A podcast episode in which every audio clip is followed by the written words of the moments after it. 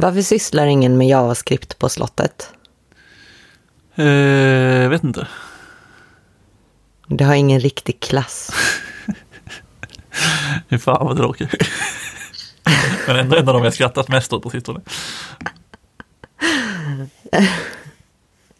Vadå tråkig? Den är ju, den är ju sann. Ja, det Nej, var, det är den verkligen inte.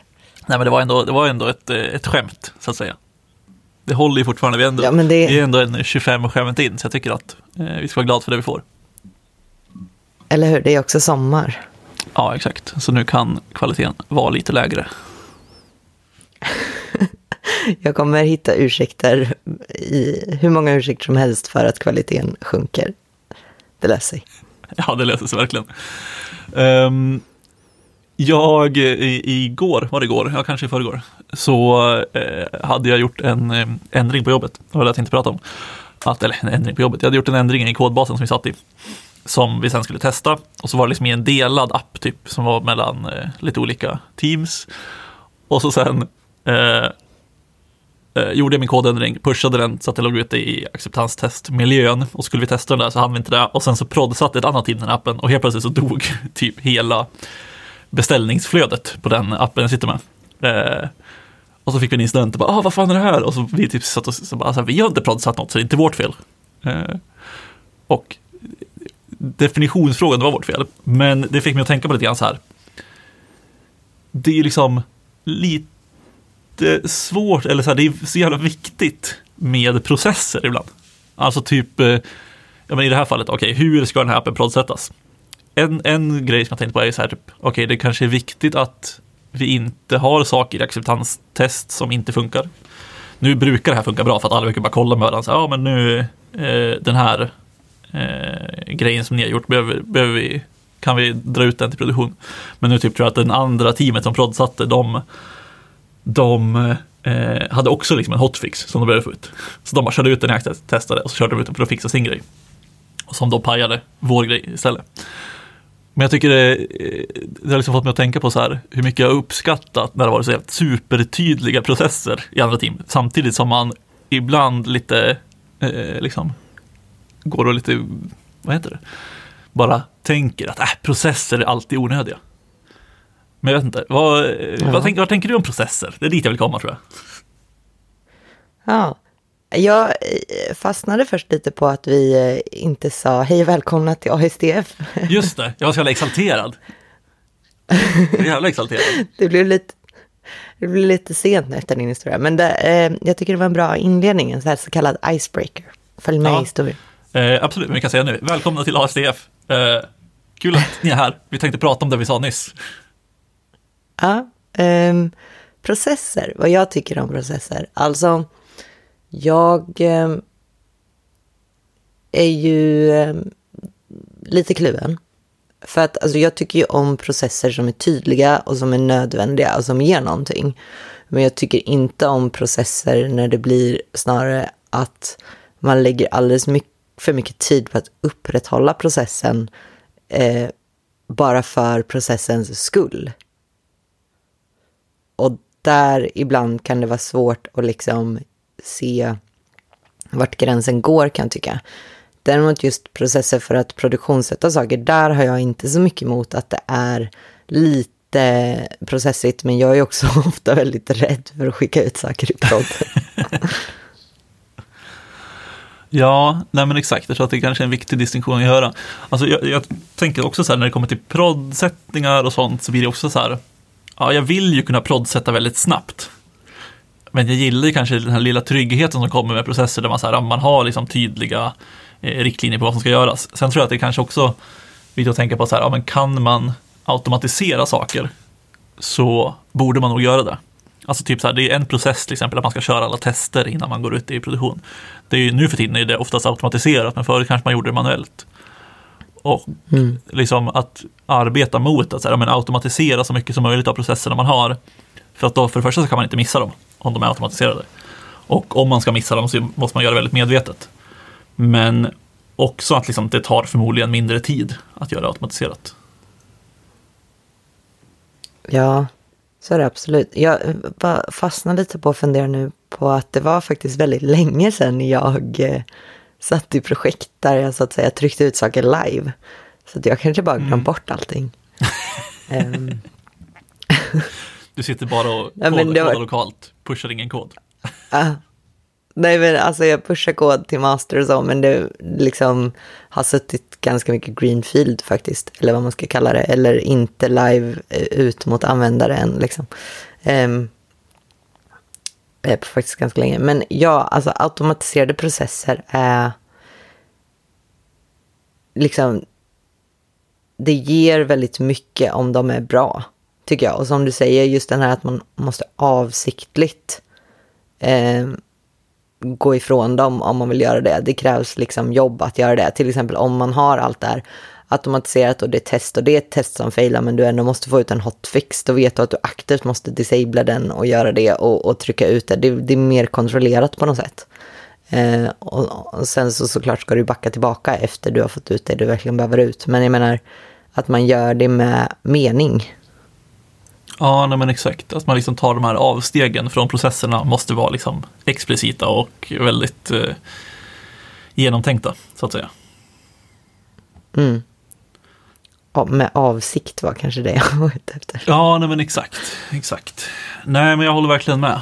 Och liksom, sen tror jag att jag har så jävla svårt att hitta den här balansen. För att jag tror att det är därför man hamnar ofta i att man så här, ah, processer suger. För att man tänker kanske mer på de processerna som är dåliga och fokuserar på att okej, men nu har vi väldigt, väldigt mycket processer här för att göra den här lilla grejen. Alltså typ, eh, man har ju så här safe som är liksom ett ramverk för att eh, skala liksom agil utveckling typ, eller scrum. Och eh, vi då har man planeringar typ någon gång lite då och då och under de planeringarna så gör vi så att vi typ så här eh, varje gång man ska planera en epic, som det heter i vårt fall, eh, så ska man liksom markera att okay, nu har vi börjat planera den här epicen. För det kan vara flera team inblandade i en epic. Så kan man säga, ja, men vi, mitt team har börjat planera epicen och sen när man har planerat klart så säger man att mitt team har planerat klart epicen. Och det här gör man liksom, alltså det kan vara liksom att man sätter första för en halvtimme och sen så efter en halvtimme så byter man till den andra. Och det känns bara som overhead för mig. Men samtidigt så kan jag tänka mig att för någon annan som vill liksom se hur det går så kanske det finns en poäng med det. Så att det kan liksom vara så här dolda, alltså så här, jag behöver ju inte vara vad ska man säga, slutanvändaren av processen. Alltså den som faktiskt får ut någon nytta av det. För att se vad det är som eh, var, varför den behövs. Utan det kanske är liksom att jag är bara en del av, jag gör som det, som det sägs. Utan, eh, utan att se varför, varför jag faktiskt gör det. Och det kanske är ett problem i sig. Det kan man ju säkert liksom jobba på att ta reda på och ha liksom den transparensen. För då tror jag också att man faktiskt kanske kan uppskatta processerna lite mer om man vet vad värdet är med dem. Ja, jag har lite svårt för det här ändå. Alltså just, nu kanske inte, nu har jag väl aldrig planerat en Epic som ett annat team kan sitta med heller på det sättet. Eller snarare om man har beroende mot team, eller mellan team så. Men just det här med att i planeringsstadien när man pratar om det och man gör mycket så här, ja, men det är burndowns och vilka eh, kommer jobba vilka timmar och vad har vi för storlek, vad har vi för tidsestimering eller poäng eller t-shirtstorlekar eller vad den kan vara på de här. De har jag lite svårt för, för jag ser poängen. Jag förstår att det är någon som använder det här för att planera någonting och vi har roadmaps och vi har såklart liksom en, ett företag som vill planera vägen framåt. Men på, eh, det liksom fungerar ju aldrig, tänker jag. Eh, för att det kommer alltid oförutsedda saker eller så helt plötsligt så gör man någonting annat som kommer in från sidan och så plockar man timmar därifrån och därifrån. Och det är väl mer att jag tänker att för att det här verkligen ska fungera så måste alla verkligen lägga tid på att värna om processen och det är ju verkligen få som jobbar så, speciellt utvecklare för att det är så lätt att, jag menar om jag tar två timmar och tänker på en annan sak, det kommer ju inte jag registrera liksom. Det kommer jag ju knappt registrera att jag har ändrat själv, att jag har bytt fokus liksom. Så det är svårt att dokumentera det. Ja, jag tror att det är många, det är liksom en utopi att tänka att man kan liksom planera allting eller att man ens kan mäta allting. Alltså att du ens kan veta liksom exakt vilka timmar du har lagt på vilka saker. Eh, om man inte tänker på ett team liksom. Utan jag tror mer att det handlar om Ja typ så här, ja men okej, vad ungefär, hur mycket tid har vi? Och sen försöker vi plocka in så att det inte är mer än det. Eh, är väl min generella uppfattning när det kommer liksom till planeringen just.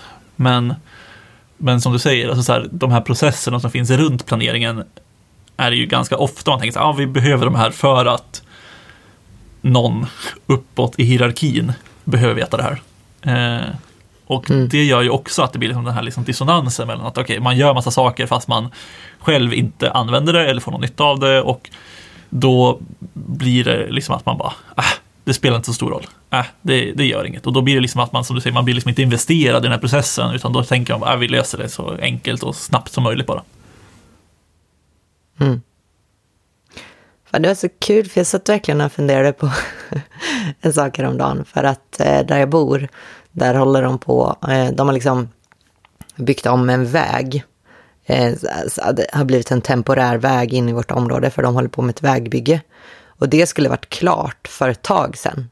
Och så fick vi nyligen veta att så här, ja, men det har dragit ut på tiden på grund av oförutsedda saker. Liksom. Alla så här, varför kan inget någonsin bli klart i tid? Och herregud, och jag är mer så här, ja, det är ju tur att de inte utvecklar, för då hade det liksom, det som skulle ta ut en månad skulle kunna ta ut ett år. Så där, där fick jag verkligen känslan för att så här, vi har det verkligen på ett sätt bra, för att det dyker upp oförutsedda saker hela, hela, hela tiden. Och det måste det ju herregud göra i byggen också du vet ju inte vad du har att jobba med förrän du jobbar med det.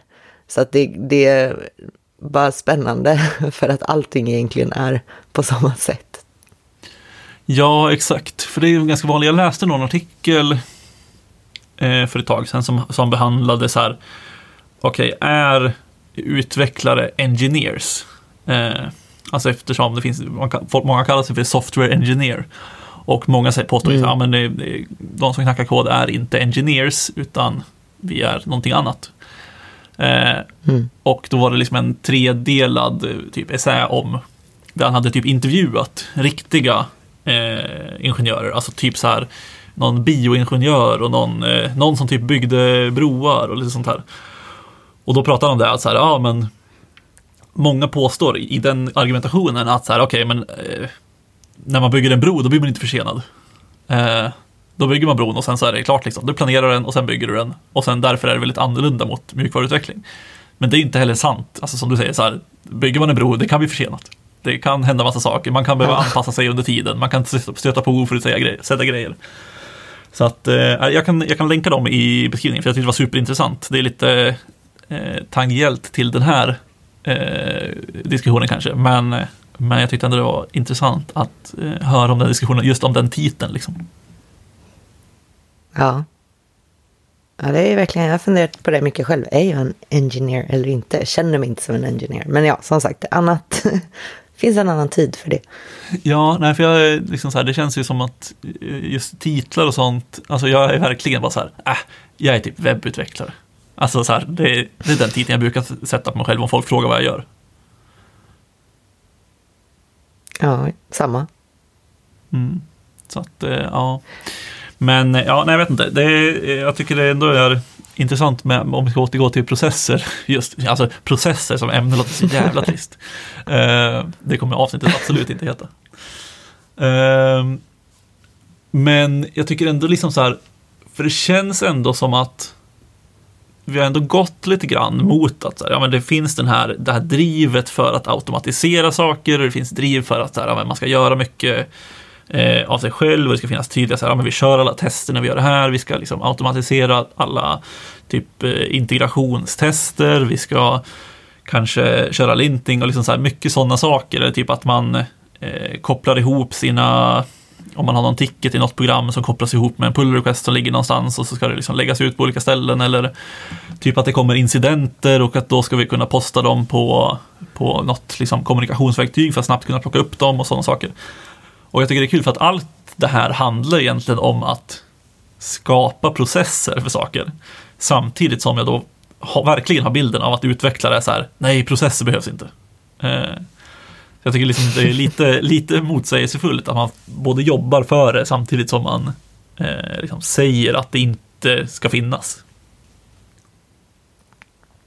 Men det känns lite som att det är processer är okej och kanske inte ens benämnt som processer så länge de är tekniska eller som du säger automatiserade. För jag tycker alltid det finns ett otroligt motstånd till processer som i eh, med mer kvalitativa ramverk. Nu heter det inte kvalitativa för det är forskning kanske, men mer liksom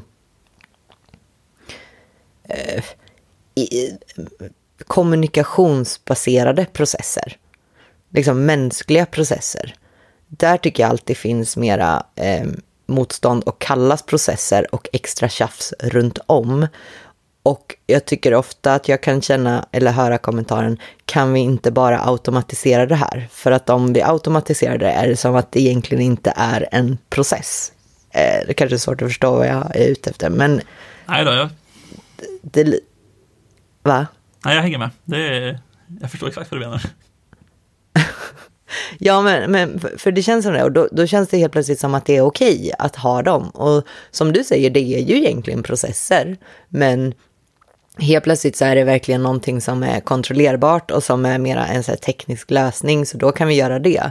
Men det är också intressant för att hur bra alla de här grejerna än är, hur bra processer vi än får till, automatiska processer vi än får till, så slinker ju saker igenom. För de facto är att vi kodar ju för människor.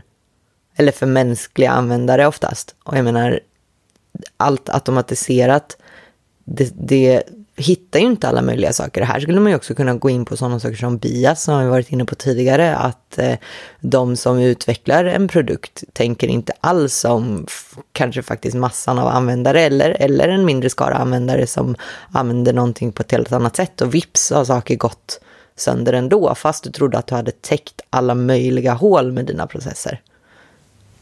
Mm, nej, verkligen. Jag tycker det knyter ju an lite grann till det vi pratade om så här med ut, utvecklare som hatar möten för några eh, avsnitt sedan.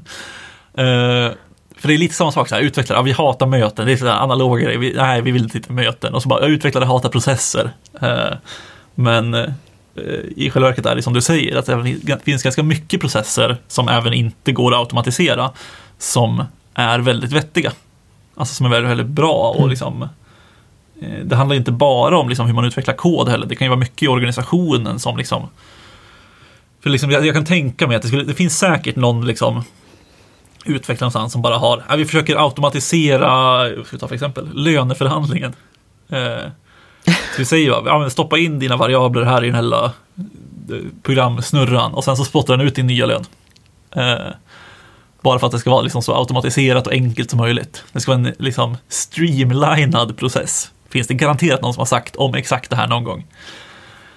Och jag tänker att det är ju liksom helt fel väg att gå tycker jag. För att det är precis som du säger, alltså så här, det är ju, alltså vi jobbar med människor och liksom så här, det är så mycket grejer som inte går att ta hänsyn till i en sån här process. Eh, om man ska försöka mm. automatisera mm. den. Utan man måste liksom kunna prata med varandra och liksom kunna sitta och, och ta hänsyn till andra saker som inte är eh, liksom så konkreta utan kanske är lite mer abstrakta som man behöver liksom tänka kring och, och eh, fundera på innan man faktiskt kommer fram till något svar. Ja, och sen är det ju liksom, jag tror man, man kommer ju alltid behöva täcka upp de automatiserade processerna som finns också med andra typer av eh, ramar för, alltså det finns ju processer som inte har, kan automatiseras utan snarare måste ha ett ramverk för hur vi hanterar dem, till exempel incidenter. Så att jag menar, du har alla automatiserade processer, du fick ändå ut en bugg i produktion och den buggen sänkte saker. Och då måste vi ju komma in i en process som man hoppas finns, alltså att det finns en typ incidentkedja om vilka som blir kontaktade, vilka som blir larmade och någon som faktiskt kommer ta tag i den här. Och sen så finns det kanske efter lösningen också förhoppningsvis någon typ av postmortem där man lär sig saker så att man kan förbättra sina automatiserade processer då kanske, eller vanliga processer liksom. Så att det är ju, och den, den går ju inte att automatisera. Det är omöjligt. Så även de som, jag menar, en löneprocess går ju och automatisera om man vill vara sån då, kanske. Inte för att jag tror att det skulle vara superhärligt, men jag menar, en incident har jag jättesvårt att se hur den någonsin skulle gå att automatisera. Det är ju helt omöjligt. Det finns ju ingen, det finns ju inget som skulle bara kunna lösa det, tänker jag. Nej, exakt. Det känns eh, väldigt svårt. Sen kommer väl folk eh, komma med argumentet att ja, men med maskininlärning, snart, då jävlar. Då, kan. AI ta över massa grejer och faktiskt förstå och så här. Men då är, vi, då är vi verkligen tillbaka på det här med bias och hur man liksom, att det, det är ju än så länge i stort sett omöjligt att göra en modell som inte liksom lutar åt något håll eller som liksom gör fel eller gör saker som inte borde hända liksom. Och det är så jävla mycket som är eh, liksom mycket, så mycket som kan hända som man inte kan förutse själv. Alltså det är det som är ett så jävla stort problem. Men då typ, vad fan var det jag såg på Twitter kanske? Att det var något, något företag som, eh, undrar om det var typ någon så här prenumerationstjänst för hundmat eller något sånt där. Eh, och då hade de skickat ut något typ så här reklamutskick på med typ så här en bild på, för att man typ laddade upp så här, en bild på sin hund och sitt na- hund, namn på sin hund och så fick man liksom anpassa den här tjänsten. Ja, det var ju någon smart grej liksom. Men då hade de skickat ut någon så här reklamutskick till alla ägare där de skickade liksom en bild på deras hund och eh, liksom namnet och adressen och skrev typ så här, ah, det, gud vad kul att din hund är här hos oss, bla bla titta här vad fin han är, bla bla, något sånt. Men då var det någon som så här argumenterade, ja men eh, i mitt område har det varit ett jättestort problem med liksom eh, hundar som blir kidnappade. Eh, eller stulna, kanske man säger. Och det här, är liksom, det här öppnar ju då för att folk bara ska se att okej, här finns det en hund som ser ut så här, bor på den här adressen och heter det här, om jag vill kunna kalla på den. Och hon tänkte att det här, det här liksom gjorde mig skärrad. Eh, för att liksom bara säga, ja men tänk om någon nu har sett det här. Eh, bara för att så här, det är massa hundar i mitt område som har försvunnit redan. Och liksom, det är, alltså jag hade inte haft en tanke på dem, jag hade jobbat på det här bolaget. Eh, men, men det är så lätt och då om man själv inte kan tänka på det, då finns det inte en chans att en automatiserad process skulle ta, fånga upp det heller. Nej. Och jag bara fastnar på att det är bara rika människor som får sina hundar kidnappade. Ja, så är det ju eh, garanterat. Eh, eller jag vet inte om det här var att de blev liksom kidnappade och utpressade, eller om det här var mer att de bara stal hundarna och sen kom de aldrig tillbaka. Eh, Fan sjukt, förlåt. Jag bara fastnade i den, mitt hundhjärta började blöda. Eh, ja. Nej men absolut, jag hade heller aldrig kunnat se det eller tänka på det. Liksom. Ibland så får man ju verkligen sådana aha-upplevelser när man kanske till och med bara pratat med användare eller gjort användartester. Att så här, Jaha, ja ja, det där hade jag aldrig i min vildaste fantasi kunnat komma fram till själv. Liksom. Nej, men precis. Nej, så jag tror att liksom det, det, det jag liksom återkommer till är så här, ja, men det måste finnas någon typ av balans mellan hur mycket ska automatiseras, hur mycket ska inte automatiseras och liksom så här, vilk, vilket värde finns i de processerna som är kvar. För man måste liksom ändå hitta ett värde, även om värdet kanske inte ligger hos en själv specifikt, utan det kanske ligger hos någon annan som behöver att man själv gör någonting i en process för att det ska liksom spotta ut sig något i slutändan. Men Nej, jag vet inte. Jag tycker det, Ja. det är liksom en svår balans också. Ja, nej men så länge, så länge någon tjänar pro- processen är okej med det. Men just den här med att, för att jag har väl suttit i lite så här eh, projekt där jag känner att processen blev det viktigaste av allt. Och då pratar jag inte om liksom, produktionssättningsprocessen, utan jag pratade snarare om, snarare om agila processen, om hur det skulle jobbas. Liksom. Och då var det så här att ja, men det var eh, tajt deadline, vi måste komma framåt och vi måste pusha kod. Det, det var hetsigt liksom. Ändå så tog vi flera timmar och flera dagar på att istället sätta oss ner för att försöka komma fram till hur vi som grupp skulle arbeta via utstakade processer. Det var så här, men det var ingen som höll dem. Det var ingen som samarbetade på det sättet, hur många regler vi än satte upp, för att det fanns liksom inte tid och ork att göra det. Men ändå så skulle vi återkommande komma tillbaka till och utvärdera vad det är som inte funkar och komma fram till nya processer och så här. Det tog mycket, mycket mer energi än, än vad man liksom tjänade in på det. Och då är det kanske jag som var cynisk då, liksom, men jag tänker att ibland så lämpar det sig inte med processer. Finns det inte tid, då tycker jag kanske att det är bättre att bara köra. Liksom. Och dyker det upp konflikter på vägen så får man ta dem då. Men det är jättesvårt att förutse vad som ska hända i ett projekt. Och innan vi ens hade landat i någon typ av process, då skulle vi redan ändra på den. För att den inte funkade. Ja, jag tror verkligen att det är lätt att, särskilt när man pratar agilt, för att det är så jävla, alla har så jävla många idéer om vad agilt är och hur agilt ska funka och allting sånt. Och jag tror att det är så jävla lätt om man landar i bara så här, ja men nu har vi den här processen, men hur kan vi förbättra den? Och så går man till nästa steg och så bara, ah, men nu har vi den här processen, hur kan vi förbättra den? Och så bara, men nu funkar inte det här riktigt, hur förbättrar vi det? Och så sitter man bara och liksom jobbar på att liksom bygga ut processen oftast. Alltså du liksom lägger på fler steg eller du lägger på fler grejer man ska göra eller tänka på. Istället för att kanske skala ner och ta bort saker ur processen som inte behövs egentligen. Ja. Ja, men just det här med att lägga till steg. Liksom. Man har redan en tröskel för att genomföra någonting och så bygger vi den lite, lite högre. Det kommer ju inte gå lättare. Han borde bygga den åt ett annat håll snarare, i sidled snarare än på höjden. Mm. Nej, men exakt. Nej, jag tycker det är, det är jävligt eh, svårt. Och ändå liksom så här ganska intressant. Jag tänker liksom så här, det har ju växt upp en sån jävla liksom, kultur eller liksom, eh, vad ska man säga, nästan liksom en bransch kring bara att sätta strukturer, alltså i alla fall när vi pratar agilt. Alltså bara tanken på hur många agila coacher det finns. Där vissa eh, absolut gör ett superbra jobb, men det finns ju också väldigt många som i min erfarenhet också gör det du säger, alltså man bara byter process gång på gång på gång på gång. Ja. Ja, jag kan väl ändå förstå hur man kommer dit. Liksom, jaha okej, det här funkar inte. Vad kan vi få funka istället? Och det är så här... Ah, jag tycker det är så otacksamt också. Har man då så här gäng otacksamma, lite trötta utvecklare som bara inte vill. så vilken jävla uppförsbacke det måste vara alltså. Gud ja, alltså det, det vet man ju att man har jobbat med folk som är liksom, ja, men, trötta är liksom ordet man kan beskriva dem på. De har liksom varit på samma ställe väldigt länge och liksom är nöjda med där de är, vill bara göra sin grej. Och sen så vill liksom, det räcker med att det är liksom en person eller två personer liksom i ett team som är trötta. Eh, och sen så blir det liksom att man bara, nej, de påverkar allt och så istället blir det liksom, nej, vi vill inte göra förändringar, vi vill inte göra det här. Och man bara, ja, nej, okej. Men vi andra, vi vill gärna förändra, men eh, är inte ni med så blir det svårt.